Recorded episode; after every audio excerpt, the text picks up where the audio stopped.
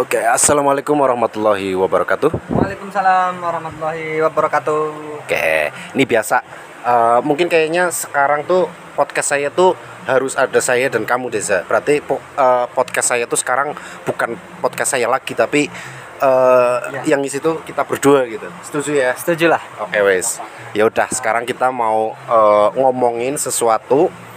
Eh, Sebenarnya eh, saya pengen tahu pendapat kamu tentang fenomena sekarang tuh banyak sekali yang namanya pamer di sosial media gitu. Menurut kamu gimana? Orang yang suka pamer di sosial media tuh sebenarnya ada apa gitu? Apa yang mereka ingin buktikan gitu? Coba Eh, kalau menurut saya pegang aja. Nah, gitu. seperti pamer-pamer itu malah sekarang ini menjadi sebuah Kebutuhan. kebutuhan ya untuk mereka sendiri. Iya, tapi kenapa mereka butuh pamer tuh kenapa? Kemarin saya lihat eh, seorang yang lagi sekarang ini namanya lagi naik daun ya. Di mana? Dia di internet lah, di YouTube namanya Oh. sekarang lagi naik daun. Iya. Dia pernah bilang katanya begini. Orang Indonesia itu kalau misalkan kontennya itu biasa, sesuatu yang Biasa-biasa. bersifat bahkan sesuatu yang bersifat edukasi lah, mendidik. Ah, ah, iya, iya. Itu kurang rame. Oh, pantesan ya. Tetapi kalau misalkan sesuatu yang sifatnya itu wow, Iya. wow, Sensasi keren, gitu, sensa- sen- sensasi itu. Dia itu malah laris. Itu kenapa? Oh pantesan, mungkin ini salah satunya kena alasan kenapa YouTube saya sepi. Berarti YouTube saya tuh Kurang mengedukasi, tapi mengedukasi kan? Iya dong. Tadi kan katanya kalau mengedukasi itu jadi kurang rame gitu. Tapi saya yakin kok. Apa? eh, banyak sekali orang-orang yang pinter-pinter Tapi yang Oh, maksudnya banyak sekali sekarang eh, orang-orang yang pinter yang bisa menonton konten-konten itu yang memberikan edukasi oh, iya. edukasi. tentu saja. Tapi kan eh, orang pinter, maksudnya pinter di sini tuh yang pinter milih konten gitu kan untuk manfaat edukasi gitu. Tapi kan nggak seberapa yang yang kayak gitu. Tapi kan lebih banyak orang yang lebih mencari sensasi. Jadi karena banyak apa peminatnya banyak makanya eh, yang buat konten ya mereka nyari yang peminatnya banyak kan kayak ngomongin orang terus pamer. Wah, ini saya habis beli ini nih seharga segini, seharga segini. Eh, sebenarnya eh, saya juga mau tanya kepada oke. kamu ya. iya oke. Perlu nggak sih kita pamer-pamer tentang kekayaan, prestasi atau apa? Itu eh, perlu nggak kita pamerin kepada publik? Itu oh. Menurut anda gimana? sebenarnya antara kalau dibilang perlu atau enggak itu susah dijawabnya tapi tergantung kebutuhannya gitu. Misalnya kita mau pamer kekayaan tapi kalau niat kita itu untuk apa menginspirasi gitu. Menginspirasi misalnya nih saya tuh berangkat dari nol sekarang saya bisa mendapatkan ini mendapatkan ini. Yuk misalnya ayo semangat kita bekerja semangat berbisnis atau apa itu boleh-boleh aja. Nah, tapi yang eh, tadi kan kekayaan atau prestasi gitu kan. Tapi kalau prestasi menurut saya itu Perlu ya? perlu. Itu perlu. Kenapa perlu? Gini. Orang itu ketika pamer eh, lawan lawannya prestasi apa? Ah, gini aja Rasid tidak berprestasi. Iya, jelas tidak berprestasi. Misalnya gini, orang tuh pamer adiknya yang masih balita sudah bisa merokok gitu. Itu di-upload misalnya dibikin story. Itu bangga diketawain, "Weh, adik saya" gitu. Mereka dengan bangga seperti itu. Nah, kenapa ketika kita berprestasi misalnya adik kita yang kecil juara satu eh, Al-Quran, baca Al-Quran gitu. Nah itu perlu kita pamerkan juga untuk mengimbangi yang pamer-pamer yang nggak perlu gitu. Jadi orang yang melihat tuh dunia tuh masih aman lah gitu, masih banyak prestasi yang bisa diraih gitu. Misalnya gini contohnya, kalau kita mau pamer prestasi tapi takut, akhirnya media sosial itu dikuasai oleh orang-orang yang pamer keburukan. Nah, generasi apa eh, generasi muda yang sekarang tuh baru mengenal dunia internet, dunia luar melalui media-media sosial gitu, nanti mengiranya kalau dunia tuh isinya cuma pamer eh, keburukan gitu. Padahal yang pres- berprestasi kan banyak gitu. Makanya kalau kita punya prestasi ya kita ya sebenarnya niatnya bukan pamer tapi apa namanya ya mengimbangi yang pamer-pamer nggak perlu gitu lah. Biar keren biar seimbang gitu biar Ya, seimbang. penonton juga tahu wah mana yang keren mana yang enggak kan penonton biar lebih. Iya betul sekali nanti yang apa yang lihat juga kan nanti lama-lama mereka bisa membandingkan sendiri mana yang eh, perlu ditiru mana yang tidak gitu. Itu kalau jauh berbicara tentang fenomena pamer nih Iya, ya pamer. untuk anak-anak muda sekarang. Eh, kemarin kan sekarang ini kan dalam satu minggu terakhir ini kan eh, media sedang dihebohkan dengan orang-orang yang suka pamer-pamer itu tuh. Tahu kan kita nggak nggak usah sebut Iya iya iya iya. Iya. kita nggak sebut nggak usah Iya banyak lagian banyak sekali saya juga nggak tahu kamu menujunya ke siapa orang yang yang pamer tuh banyak sekali. tapi kan ada satu orang dua orang tiga orang lah Yang, yang eh, ya belakangan ini tuh lagi terlalu- viral gitu. Hmm, yang terlalu kalau Lebay, menurut saya lebay. lebay banget lah Eh, ternyata eh, kita kan tahu kan yang sedang satu minggu ini Rame. rame ini Ya. kan tentang trading Oh, oh orang-orang trading, Orang- orang-orang trading emang suka pamer. Saya nggak pernah Ah. ngikutin mereka loh. Eh, Saya cuma tahu oh ini katanya sukses karena trading, tapi saya nggak tahu mereka tuh kalau apa katanya suka pamer itu saya nggak tahu. kaos Iya. 300 juta wah Oh. murah banget Itu katanya gitu. itu katanya Pernyataannya seperti itu. Ya nggak apa-apa kan kemampuan dia memang beli kaos 300 juta tapi katanya murah ya emang kemampuannya dia kayak gitu. Saya habis beli jam nih seharga 2 miliar Bener. Nah angkanya yang disebut 2 miliar. 2 miliar Bener itu. Nggak salah denger. 2 miliar Jam tangan. jam tangan Itu dipamerin terus eh, apa? Di ujung-ujungnya dia itu ngajakin trading atau cuma menginspirasi gitu. eh mungkin eh saya nggak tahu ya niat dia Oh. itu apa nggak tahu Lah kamu nontonnya sampai selesai nggak?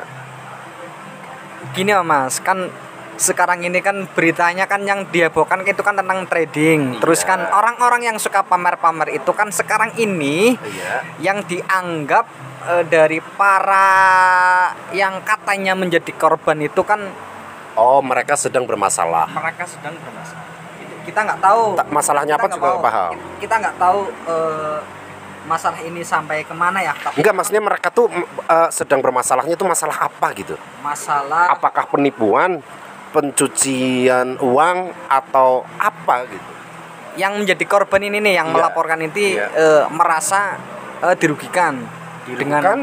dengan mengikuti apa yang mereka Ajar. ajarkan kan mereka selama ini kan membuat Mempromosikan Iya. tradingnya gitu. Terus mereka ikut, tapi ternyata loss, bangkrut. loss Oh, Eh, kemarin saya lihat sempat lihat beritanya itu kan yang masuk ke grup kan ada grup yang bersatu itu yang loss itu iya. membuat semacam Menggugat gitu. grup Mereka menggugat. Gitu. Mereka membuat semacam grup Eh, ada yang bilang katanya yang dari 8000 itu satu orang itu kekala kelos Kerugiannya kerugiannya itu 10 juta itu paling rendah paling rendah 10 juta. Paling rendah Oh, itu kalau kemarin saya lihat ada yang bilang katanya ada yang 400 juta, 500. 100 juta sampai bahkan ada yang 1,3 m itu kata Oh.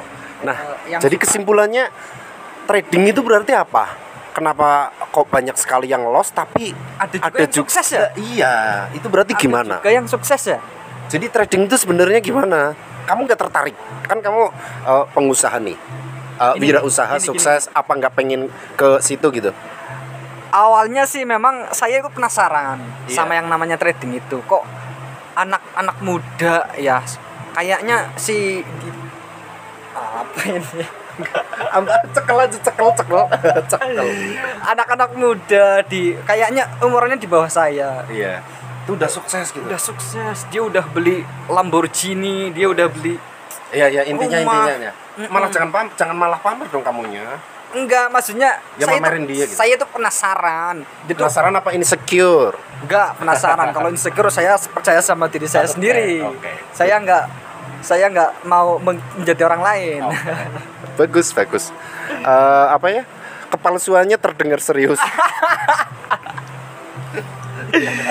saya tuh penasaran loh Ah. kok sekarang ada orang kok tiba-tiba sukses Sukses itu Iya su- itu di usia muda. kerjanya itu apa atau memang dia seorang pengusaha Kan trading tadi udah dibilang kan? Iya, kan. Ah, iya. saya penasaran kan Iya. waktu itu bahkan sampai eh, ada yang menyumbang seseorang karena main game Oh, Reza, Reza Ara. ada yang Iya. menyumbang Reza Arab itu nyampe satu miliar loh kok ini sumbangan sumbangan seperti ini diberikan secara cuma-cuma ke, berarti di- ke orang yang eh, sebenarnya nggak begitu butuh-butuh amat ya. enggak malah sih Reza Arab kan seleb juga kan maksudnya dia. kaget juga dianya malah kaget juga mendengar Lah itu yang nyumbang berarti eh, orang-orang yang eh, menggiati trading. Iya. Lah ya, kan pertanyaan saya kamu kenapa nggak ikut trading gitu? jadi gini Iya. karena saya juga nggak punya temen yang main trading Nggak paham. nggak paham Trading itu apa? terus juga nggak ngikutin cuma kan saya yang awam Iya. kan mak hanya bisa masa iya sih kok sampai eh, mendapatkan hasil yang Iya. wow Kayaknya nggak perlu kerja keras gitu, kayaknya maksudnya. kok. Tapi mereka bilang katanya kita kerja keras kok di trading itu ternyata nggak nggak nggak cuma apa namanya kita isi apa invest gitu ya, terus dibiarin gitu. Tapi kita harus mantau, kita harus itu, kita harus pinter katanya harus pinter-pinter itu. Jadi sama aja kerja juga. Jadi tapi intinya kamu tuh nggak tertarik untuk trading gitu. kalau lihat dari Oh, kasus yang sekarang. ya enggak maksudnya kalau yang melihat yang mereka tonjolkan sih kan ya mana ada Siapa yang nggak tertarik gitu siapa ya? yang nggak tertarik orang dia punya masih muda Punya segalanya kan iya, ya oke. pasti kalau yang saya lihat itu tertarik lah melihat Iya. kondisi seperti cuma kan yang menjadi masalah Sekarang, ini trading tuh lagi banyak diomongin karena merugikan merugikan eh, banyak yang itu ya yang ikut tapi merasa dirugikan yang nah konon konon katanya ini eh, sebagian besar dari yang loss itu yang kalah itu mm, uangnya masuk ke para afiliator itu? afiliator afiliator itu. Ini yang menjadi sesuatu yang sedang di dipertanyakan dipertanyakan. bahkan ya, sekarang eh, bahkan kemarin aja deh udah masuk DPR mas. DPR berarti. udah Oh, membahas itu? udah bahas itu. Kan emang trading untuk beberapa aplikasi itu kan emang dilarang di Indonesia itu dilarang karena mereka tidak terdaf apa diawasi oleh OJK gitu Iya. kan? Nah ya berarti gini ya intinya misalnya kita mau trading mau investasi model apa pun gitu yang penting kita harus bisa milih gitu kan. Kita harus m- yakin kalau investasi itu aman. Ada lembaga negara yang melindunginya. Sebenarnya gitu nggak apa-apa. Cuman gini wis. Nih saya saya seorang guru. Kamu kalau misalnya saya nanya nih saya mau trading ikut ke mereka tadi orang-orang yang sekarang bermasalah gitu lah. Menurut kamu eh, bagus nggak gitu buat saya gitu? Kalau melihat dari banyaknya ya korban sih lebih baik jangan. lebih baik jangan. Jadi eh, berarti ya udah gini aja wis. Nanti sebentar Soalnya lagi. gini aja, mas. Gini gini gini. Hmm. Eh, saya pengalaman pernah ikut ak- pernah diajak sama temen gitu kan? Ikut sebuah seminar. Seminar Seminar. tentang tentang MLM kalau oh MLM ini buat MLM itu eh, marketing eh, apa eh panjangannya apa ya? Apa? Level multi level marketing. Iya. oke. Pernah diajak s- teman kan? Iya. waktu itu kan. Iya. ya ini buat bukan membandingkan antara trading dengan MLM ya? Iya ini beda Karena ini beda tema gitu ini lah. beda tema. Cuma Yes. kan nanti akan akan ada yang bisa saya gabungkan lah oh nanti oke coba Bisa ya nanti oke. buat perbandingan. Oke, perbandingan silakan. semua Oh, silakan. saya dulu Sip, pernah ayo. saya dulu pernah diajak teman ikut seminar Mhm. diajak saya nggak ikut cuma cuma diajak akhirnya saya ikut Eh, waktu itu ada sebuah bisnis kan yang namanya Quinet ya tahu kan Quinet Iya. Q net. Qnet Qnet Ya. iya Eh, Enggak apa-apa nyebut merek nih. Itu kan merek loh. itu kan udah udah Collab. udah nggak bisa Udah nggak ada. udah ada orang Yaudah, eh, ya, apa Q, eh, MLM Qnet waktu itulah ya. yang pertama ditonjolin itu apa Apa? orang-orang Sukses. sukses semua dia pakai kalung emas dia pakai semua dari emas pakai jas Aksesorisnya tuh yang mahal-mahal. Wah, ya sama mahal. sama yang trading ini dong. nanti Oh, oke. dia eh, pakai mobilnya banyak rumahnya gede Itu yang dipamerkan. itu yang dipamerkan pertama kali dimunculkan Oh. dalam layar ketika saya ikut seminar Ya, itu kesuksesan kesuksesan kesuksesan seperti itu ini eh, bisa jadi para anggota yang ikut waktu itu atau eh, anggota apa? maksudnya yang sekarang ini lagi trading. trading itu Iya. kan bisa jadi mereka-mereka yang suka pamer-pamer oke agar mereka itu tertarik ikut ke situ. tertarik Jadi ada kemiripan antara MLM dan trading yang sekarang bermasalah. Oh, iya maksudnya untuk pemasarannya itu kan Indonesia Iya. sukanya cuma ngeliat ya Iya hasilnya dulu gitu ya. Hasilnya dulu. Nggak pernah tahu Iya. prosesnya bagaimana, resikonya apa gitu kan. lah terny- ternyata kan Pinet sekarang udah Iya, nggak ada kan iya. mungkin jadi mungkin bisa jadi eh, trading yang sekarang ini yang legal itu kan ilegal itu kan Iya. Seperti binary option ya Ah, iya. binomo Yes. itu kan yang lagi Ah, di Indonesia masih legal gitu. Eh ilegal. ilegal Iya. masih ma- dari dulu ilegal Oh emang. dari dulu ilegal Ya barangkali di negara-negara luar tuh Ya. ternyata ya kan nggak tahu kan. Di intinya di Indonesia tuh itu tidak disarankan gitu ya. jadi untuk para penonton santri-santri Iya, maksudnya iya. Ini kan eh, abis ini ada lulusan, ya kan lulusan dari anak-anak menengah atas, anak-anak SMA lulus. Biasanya mereka nyari kerjaan. Jadi kalau saya sih menyarankan ya gitu ya. eh, sebenarnya mau trading atau mau in- jenis investasi apa pun, ya tidak apa-apa. Yang penting kita sudah menguasai bagaimana eh, sistem kerjanya gitu. Jangan yang tidak jelas, terus kita ikut, kita pengennya instan, pengen dapet untung yang banyak, tapi ujung-ujungnya kita rugi gitu, ya kan? Jadi mau entah itu eh, trading atau investasi jenis apa pun ya dipelajari dulu.